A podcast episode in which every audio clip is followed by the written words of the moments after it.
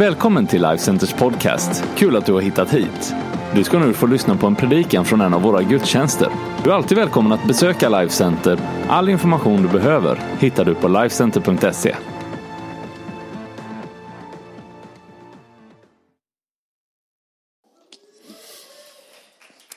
Jag har en fantastiskt rolig rubrik. Jag älskar rubriker. Under 25 år jobbade jag inom media. Och jag vet kraften eh, i en rubrik och en underrubrik, en bildtext. Det kan förstöra eller lyfta upp en människa faktiskt. Men den här den är riktigt eh, bra. En, en som jag sagt den redan till. Nu får ni titta här. Den heter så här. En oplanerad graviditet. Men det gäller inte mig. Jag är inte gravid. Det vore ett mirakel så här i juletider. Men det är ju så här att det är ju snart jul och eh, vi ska läsa ifrån Lukas evangeliet kapitel 1, 39 till 44. Det jag ska tala om nu, det har jag tagit lite grann när vi haft Sisterhood lunch, jag har tagit det i min Connect-grupp. Men jag har utvecklat de här punkterna lite grann och repetition är alltid bra för er som har hört det innan. De här tre punkterna du ska få idag tycker jag är jättebra. Då läser vi ifrån Lukas 1, 39 till 44. Vid den tiden bröt Maria upp och skyndade till en stad i Juda bergsbygd. Där gick hon in i Sakarias hus och hälsade på Elisabet. När Elisabet hörde Marias hälsning spratt barnet till i hennes moderliv. Hon blev uppfylld av den heliga ande och ropade med hög röst. Välsignad är du bland kvinnor och välsignad är din livsfrukt. Men varför händer detta mig, att min herres mor kommer till mig? När ljudet av din hälsning nådde mina öron spratt barnet till i mig av glädje. Min första punkt, det är i dessa juletider, atmosfären. Jag skrev ett blogginlägg, jag skriver blogg varje vecka, jag älskar att skriva, och jag skrev om just en stämningsfull jul. Atmosfären som vi har ansvar för själva, den som jag sprider och den som du sprider. Att när, andra, när vi möter andra människor, hela tiden möter vi andra människor i vår familj, i kyrkan, bland våra grannar. Och då är jag ansvarig, ibland har man ju, eh, man kan ju ha en dålig dag lite då och då, men jag vill inte att det är det jag ska vara känd för. Utan när man möter mig eller när jag möter med dig, då vill jag att det så här spritter till inom mig. Oh, där är hon, där är han. Så man inte känner, du hjälp, där är hon, jag byter sida här på gatan och går över till andra sidan. Så vill ju inte jag ha det. Under alla mina medieår, alla kollegorna jag haft genom åren, jag vill ju att när de tänker tillbaka, när de summerar Ulrika Stenstrand, så vill jag att de känner, åh, det var ju hon som spred en gudomlig atmosfär. För Jesus bor ju i mig och han bor ju i dig. Så vi har ansvar för att lysa hans atmosfär där vi går fram.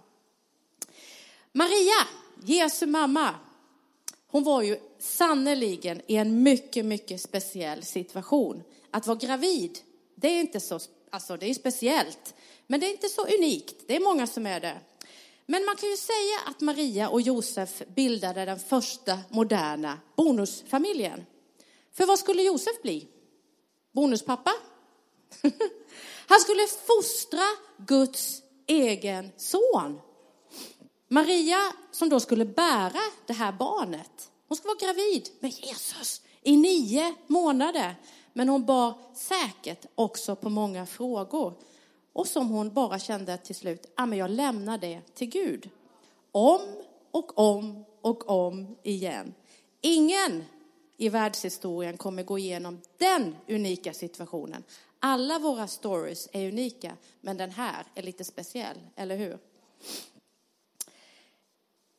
Och den situationen som Maria gick igenom, den kan inte jämföras med någon annan och den kommer aldrig hända igen. Men Gud sa till henne, du vet, ungefär så här, det står inte i Bibeln, men ibland får man skriva till lite själv. Jag fixar svaret på dina frågor om du lämnar dem till mig. Så Gud gjorde ju så här. Gud är Gud i Marias liv och i våra liv. Han berättade för Marias blivande man, det står i Bibeln att de var trolovade, de skulle gifta sig. Hur ska det här bli? Vad ska Josef säga? Vad ska människor säga? Ännu mer kanske på den tiden. Han talade till Josef i en dröm, i drömmar flera gånger. Om vi ger Gud våra svåra, det här var ju svåra frågor, hur ska det här gå till?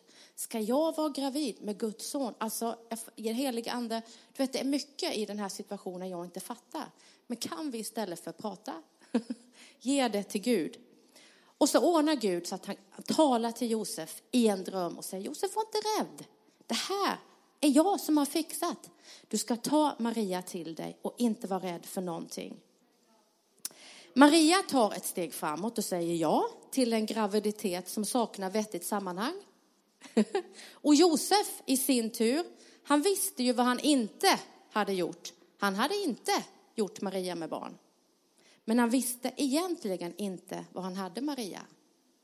Och ändå så väljer han att tro på henne. Det står så här i Matteus 1, 18-21, 24-25.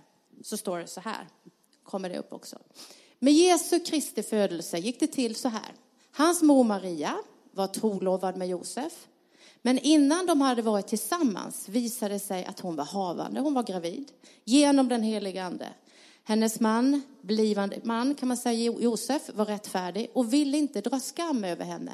Och därför beslöt han att skilja sig från henne i hemlighet. Men när han funderade över detta, då visade sig en Herrens ängel för honom i en dröm och sa, Josef, Davids son, var inte rädd för att ta till dig Maria som din hustru, för barnet i henne har blivit till genom den helige ande. Hon ska föda en son och du ska ge honom namnet Jesus, för han ska frälsa sitt folk från deras synder. När Josef vaknade upp ur sömnen gjorde han som Herrens ängel hade befallt och tog sin hustru till sig. Och det här tycker jag är fantastiskt. Det här talar om att Jesus är en gentleman. Han rörde henne inte förrän han hade, hon hade fött en son och han gav honom namnet Jesus. Tala om gentleman du ska vara gravid, du ska bli med barn med Jesus, men jag kommer inte röra dig. Det finns tid för allting, för det var ju så här att Maria senare födde flera barn och då fanns Josef med i bilden på ett annat sätt. Det finns en tid för allting och tänk att ta sådana beslut som även Josef gjorde, som vi kan läsa om i Bibeln. På något sätt ska du ta sådana beslut som du kan läsa om sen i historieböckerna kanske inte Bibeln, men någon annan talar om dig, läser om dig på ett sådant sätt så du tar rätt beslut. Och Maria, tala om atmosfär, hon spred glädje som vi läste här först. Barnet, Elisabets barn, spratt till av glädje. Hon spred glädje trots sina speciella omständigheter. Vad du och jag sprider trots våra omständigheter, som i det här sammanhanget är betydligt mindre, Jesus spred Guds atmosfär och det är det vi ska sprida vidare. Det var den första punkten. För det andra så behöver vi bli trygga i oss själva. Jag har bott, vi har bott nu i Västerås i 25 år och det är klart att jag var en annorlunda ung kvinna. Var, vi var 28 år, vi är precis lika gamla så jag är inte schizofren när jag säger vi. vi är exakt, vi skiljer två dagar på mig och min man.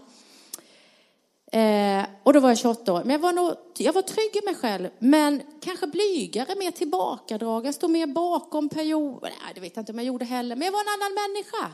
Man utvecklas, men jag har alltid varit trygg i mig själv. Det har mina föräldrar lagt ner i mig varenda dag från långt innan jag föddes. Och det beslutet har jag talat om så många gånger. Min pappa bestämde sig för, trots att han hade en bedrövlig pappa, så ville han bli världens bästa pappa. Och det la han ner även i oss. Eh, och Maria var ju enormt trygg trots sina omständigheter. Det står så här i, eh, där, vi, där vi läste innan allra först. Vid den tiden bröt Maria upp och skyndade till en stad i Juda bergsbygd. Hon är så pass trygg så hon springer till en annan stad på den här tiden och gick till en annan gravid kvinna, hennes släkting. Det var hennes släkting Elisabet.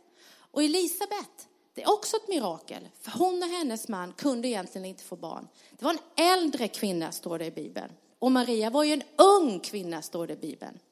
Men det står också att de hedrade varandra, det står ingenting ont, de hade ett enormt utbyte av varandra. Båda var gravida med speciella söner. Johannes döparen var ju ingen dussinvara heller direkt. Trots dessa olikheterna så hedrade de varandra, talade in i varandras liv, säkert, vi får väl fråga en dag. Trygga i sig själva och den resan som låg framför dem och kunde därför berika varandra på ett gudomligt sätt. Var trygg i dig själv. Du är fantastisk. Du vet, Gud gör inga misstag och han började inte med dig. Det är rikedom med en kyrka, eller hur? Jag har haft en, en kvinna som idag är 75-årsåldern som mentor i eh, 20 år. Men nu märker jag nästan hur det blir omvänt. Det är så att jag kan tala in i hennes liv också. Lyssna på dem som har gått före, men också de som har gått före behöver ju lyssna på oss som är kommer efter. Och jag behöver definitivt lyssna på dem som kommer efter mig. Jag behöver lyssna på Hanna, Emma, Ebba. Det är världens bästa Ebba. Jag behöver lyssna på dem som går bakom, efter mig. Därför att det finns något som heter reverse mentorship, att man lär sig också av den generationen som kommer. Och ständigt kommer det nya generationer. Det är inget hot, det är fantastiskt och det är livet. Så var trygg i dig själv och tänk att även Josef, den här världens första riktiga bonuspappa, han spred trygghet. Jag kan bara höra, vet du. Tur att inte Facebook fanns på den tiden. Har ni hört att Maria blivit gravid genom den helige ande? Jo, men man har ju hört mycket innan öronen ramlade av. Men han var trygg i sig själv, trots de här mycket, mycket, mycket speciella omständigheter. Trots att folk troligtvis pratade bakom ryggen. Men det är där de hör hemma. Om folk pratar bakom ryggen så är de ju bakom av en anledning. Och Jesus själv, han var ju trygg trots att det nästan alltid stormade runt honom. Och det finns, om du behöver bli trygg i dig själv, så finns det trygghet. Det är en, någonting basic som vi alla behöver ha. En trygghet behövs i ett äktenskap, i en familj. Det finns trygghet att hämta hos Gud. Gudomlig trygghet. Hur mycket som helst. Hur mycket som helst. Jag lyssnade i, i ehm, förra året på en stor kvinnokonferens som heter Kaller på en familj, som, en amerikansk familj, som har valt, de har kanske två barn som är kanske 9 och 11 sådär, runt 10-årsåldern. De har valt att bosätta sig i Irak. Det bara hörs ju, det är ingen trygghet där. Men de säger, vi känner oss så trygga. Varje morgon när barnen, innan barnen ska gå till skolan, i den här, alltså det är bara krig runt omkring dem. Varje morgon så ställer de sig i en ring, alla fyra, varenda morgon. De ber och tar nattvard. Och så så jag, det är som att Gud sätter en, en bur runt dem. Och så går de till skolan. Och så går de till skolan. Varenda dag. Hur kan man välja att bo idag i Irak? Man känner bara, det här vi ska vara. Det här Gud har kallat oss. Jag känner mig så trygg. Jag tycker det är fantastiskt att höra. Du behöver bli trygg i dig själv oavsett omständigheter. Människor är människor på Bibelns tid, men Gud är Gud. Alltid. Trygg i dig själv. För det tredje, stressa inte. När jag har mycket att göra så ser jag arg ut, säger min familj.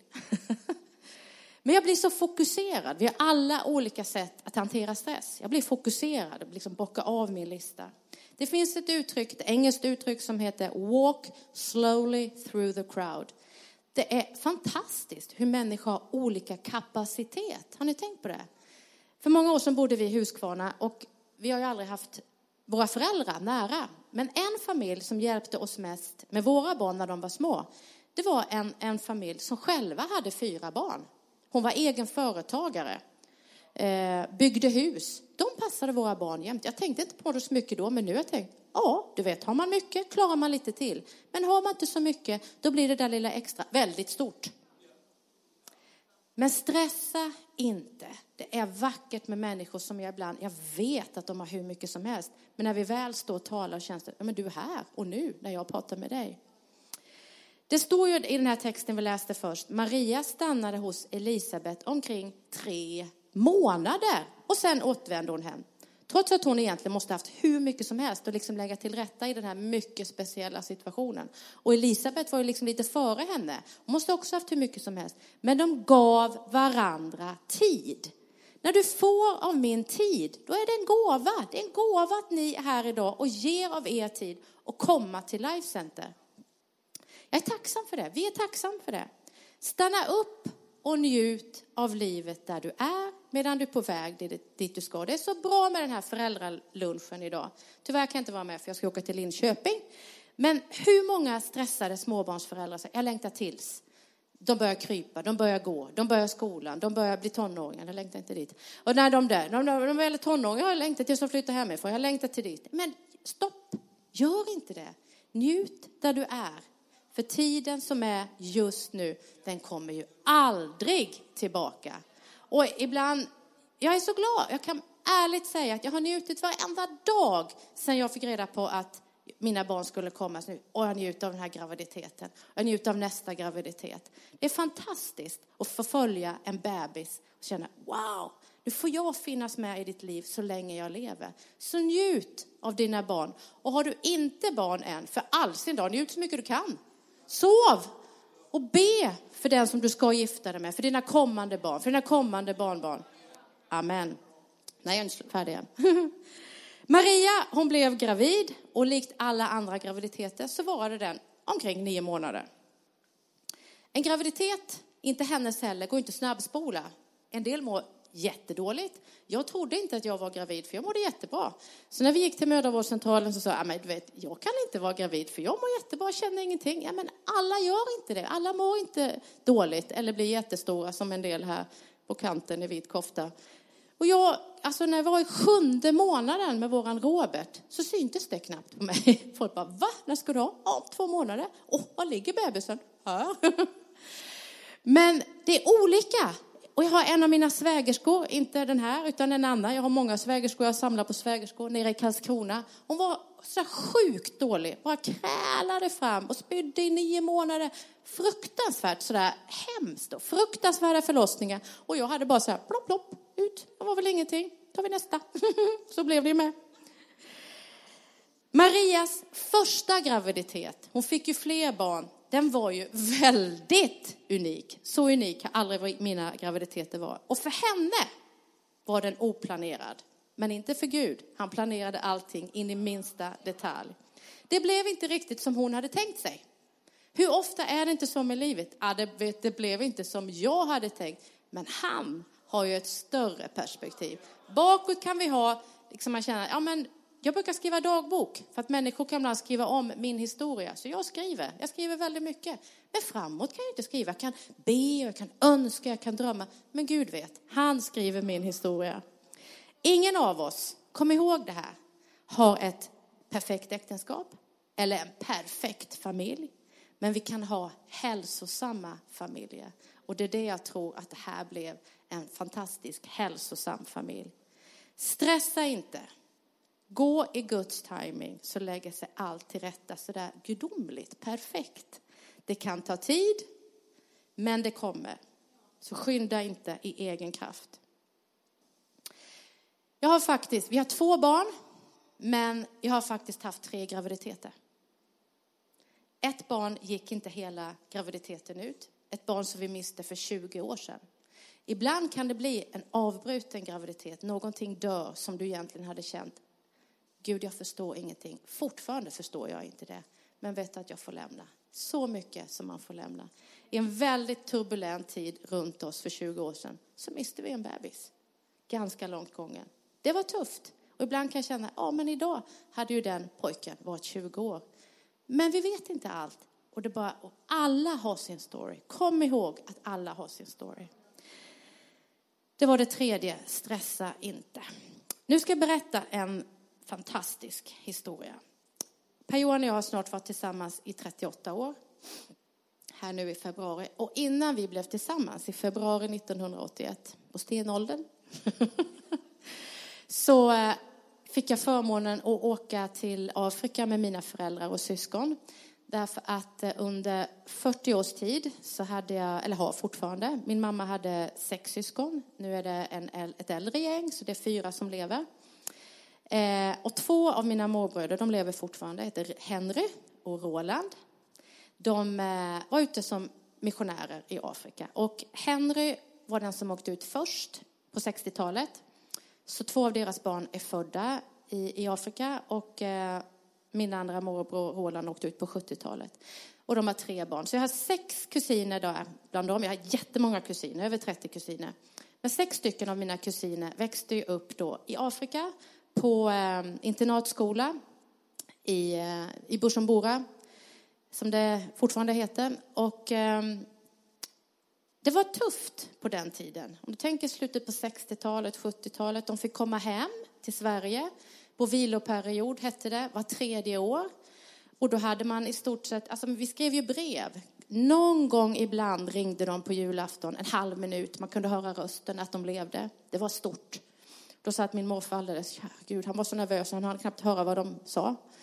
Eh, och så var det över. Och så skrev vi brev och det tog flera veckor innan breven kom fram och hur mycket som helst hade kunnat hända. Och sen när de väl kom hem så var de ju lite utanför eh, kanske modemässigt, eh, de kom inte ihåg så mycket svenska. Och då fick de ju bara, ofta kom de till Karlskrona, där man då skulle vila ett år. Då slängdes ju barnen in i en svensk skola under ett år. Det var inte heller så lätt. Ni förstår den här bilden. Eh, och när man då tänker i en internatskola, för det var inte så att mina morbröder heller jobbade i Burundi, utan de jobbade i Zaire. Så det var ett annat land, de kanske träffade sina föräldrar fyra, fem gånger per år. Och då hade man lämnat en liten sex eller sjuåring på den här internatskolan. Ganska tuffa tag. Det var inte bara så i, i kyrkans värld, det var säkert så mycket företagsvärlden också förr i världen. Men eh, mina morbröder, den ena är eh, utbildad rektor kan man säga, Eh, eh, lärare. Och eh, den andra är byggnadsingenjör. Deras fruar är barnmorska respektive sjuksköterska. Så när vi var nere då 1980-81 var jag ute, var jag ute, min missionsperiod på tre månader. Så fick jag gå en månad och känna på lite grann av det här svenska skolan i, i Bujumbura. Det är därför je parle petit français. Jag talar lite franska.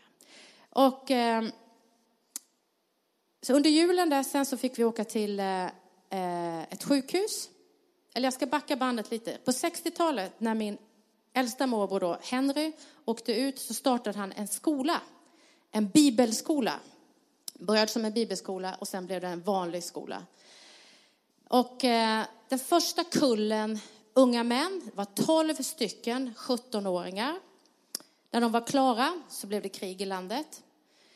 Då ställde de upp dessa 12 framför Henry och hans fru Anna-Karin. Sköt varenda en framför näsan på honom. Där och då tappade min morbror Henry allt sitt hår och har inte fått tillbaka det. Vi kallar dem för Kojak, ni som kommer ihåg det. Eller Skallepär, om Ronja Rövardotter. Inte ett hårstrå har han fortfarande på kroppen. Sån chock. Varenda en sköt dem framför honom. Men de fortsatte att jobba. Min andra morbror, han eh Eh, var ju byggnadsingenjör, byggde ett sjukhus som hette Lemera sjukhuset. Där var det en eh, en ung läkarstuderande studerande som hette Dr. Mukwege. Som min andra morbror Henry hade haft i sin andra kull av bibelskoleelever. De hade en stor dröm. Eh, de ville förändra landet inifrån. Men de här sex kusinerna då, som på många sätt fick ta ett högt, betala ett högt pris, eller hur? Under många, många, många år. Två, eller en kan man säga, är med i en kyrka idag, är inte bitter och besviken. Men de andra fem, de är ganska bittra, besvikna på kyrkan, på Gud, på sin familj, på alltihopa. Har verkligen tagit avstånd. Och sen nu den här veckan, ni vet att den här Dr. Mukwege, han fick fredspriset.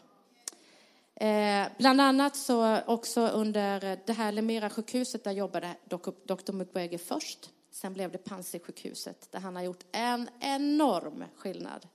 Läs på om honom om ni inte har gjort det. Fantastiskt. Och just Roland, min ena morbror och hans döttrar har kanske betalat det högsta priset, vad jag förstått på hans döttrar. Men under veckan som gick så fick Roland, jag har en bild på det, den är inte så bra. Där är min morbror, Roland, och så är det Dr. Mukwege i mitten och så är det Rolands fru Birgitta. De har jobbat med Doc Mukwege i 20 år. I slutet på 90-talet fick de allihopa fly, för det var inbördeskrig i landet.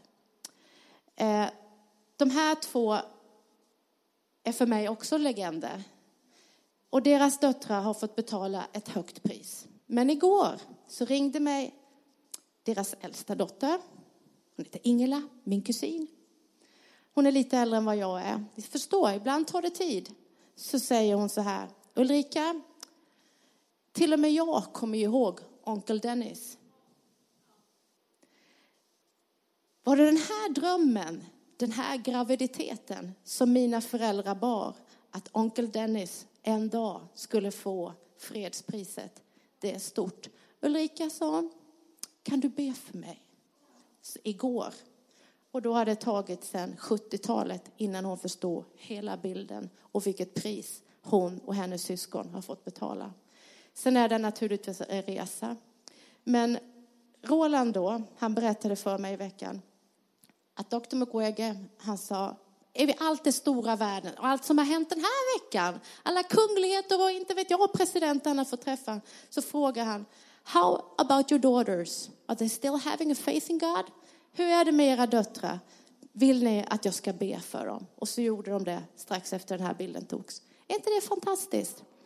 Och så säger min Birgitta, min ingifta moster, tänk att jag alltid ändå har lagt det i Guds händer. Alltid har lagt det i Guds händer. Nu är det här naturligtvis en resa, men jag tycker det är fantastiskt med Guds omsorg. Så det här med fredspriset till Dr. Mukwege, det är stort även i min släkt. Fantastiskt, eller hur? Lägg allt i Guds händer så ska du få se. Jag kan absolut 100% lova dig att det blir en gudagiven graviditet med en dröm som är större än vad du kan ta in i det mänskliga. Det kan ta tid. Det kan ta väldigt lång tid. Men graviditeter är långa. Du får tänka på elefanterna. Så kom ihåg de här tre punkterna i jul. Atmosfären som du sprider. En gudagiven, det är världens bästa julklapp om du sprider en god atmosfär. Om du inte är det så behöver du bli trygg i dig själv. För du är fantastisk. Det finns ingen som du. Tänk att det var faktiskt svensk pingstmission som betalade för Dr. Mukweges utbildning. Att han fick bli läkare. Var trygg i dig själv. Och för det tredje, stressa inte i jul heller. Utan ta det lugnt. Amen. Så nu så vill jag be tillsammans för er. Så jag har två inbjudningar. Om du känner att amen, jag, alltså jag sprider nog en kass atmosfär. Eller jag är inte trygg i mig själv. Eller jag stressar som en tok. Julen kom så fort i år, visst gjorde den det? Hopp, nu är det dags igen. Ja, det kommer varje år kan jag ju berätta för dig. Om du känner att du kämpar med de här tre, ska vi be för det först? Om vi sluter våra huvuden och, och blundar just nu. Att du får en stor värld. Det var ju någon som bad för Dr. McWege. Det är någon som bad för dig och den stora dröm som du har inom dig. Räck upp din hand om du känner att jag kämpar med någonting av det här. Tack Jesus. Ja Jesus, nu vill jag be för de här händerna som är uppsträckta Herre. Tack att vi ska få vara med och sprida den bästa atmosfären ever den här julen. Jag tackar dig Herre att vi får vara trygga i oss själva därför att du har skapat oss och du gör inga misstag. Jag tackar dig också att vi ska få känna att det blir julefrid, inte julestress utan frid som bara du kan ge. Jag tackar dig här att vi ska få lyfta blicken ännu en gång och känna att det finns hur mycket som helst att hämta hos dig. Amen, amen, amen.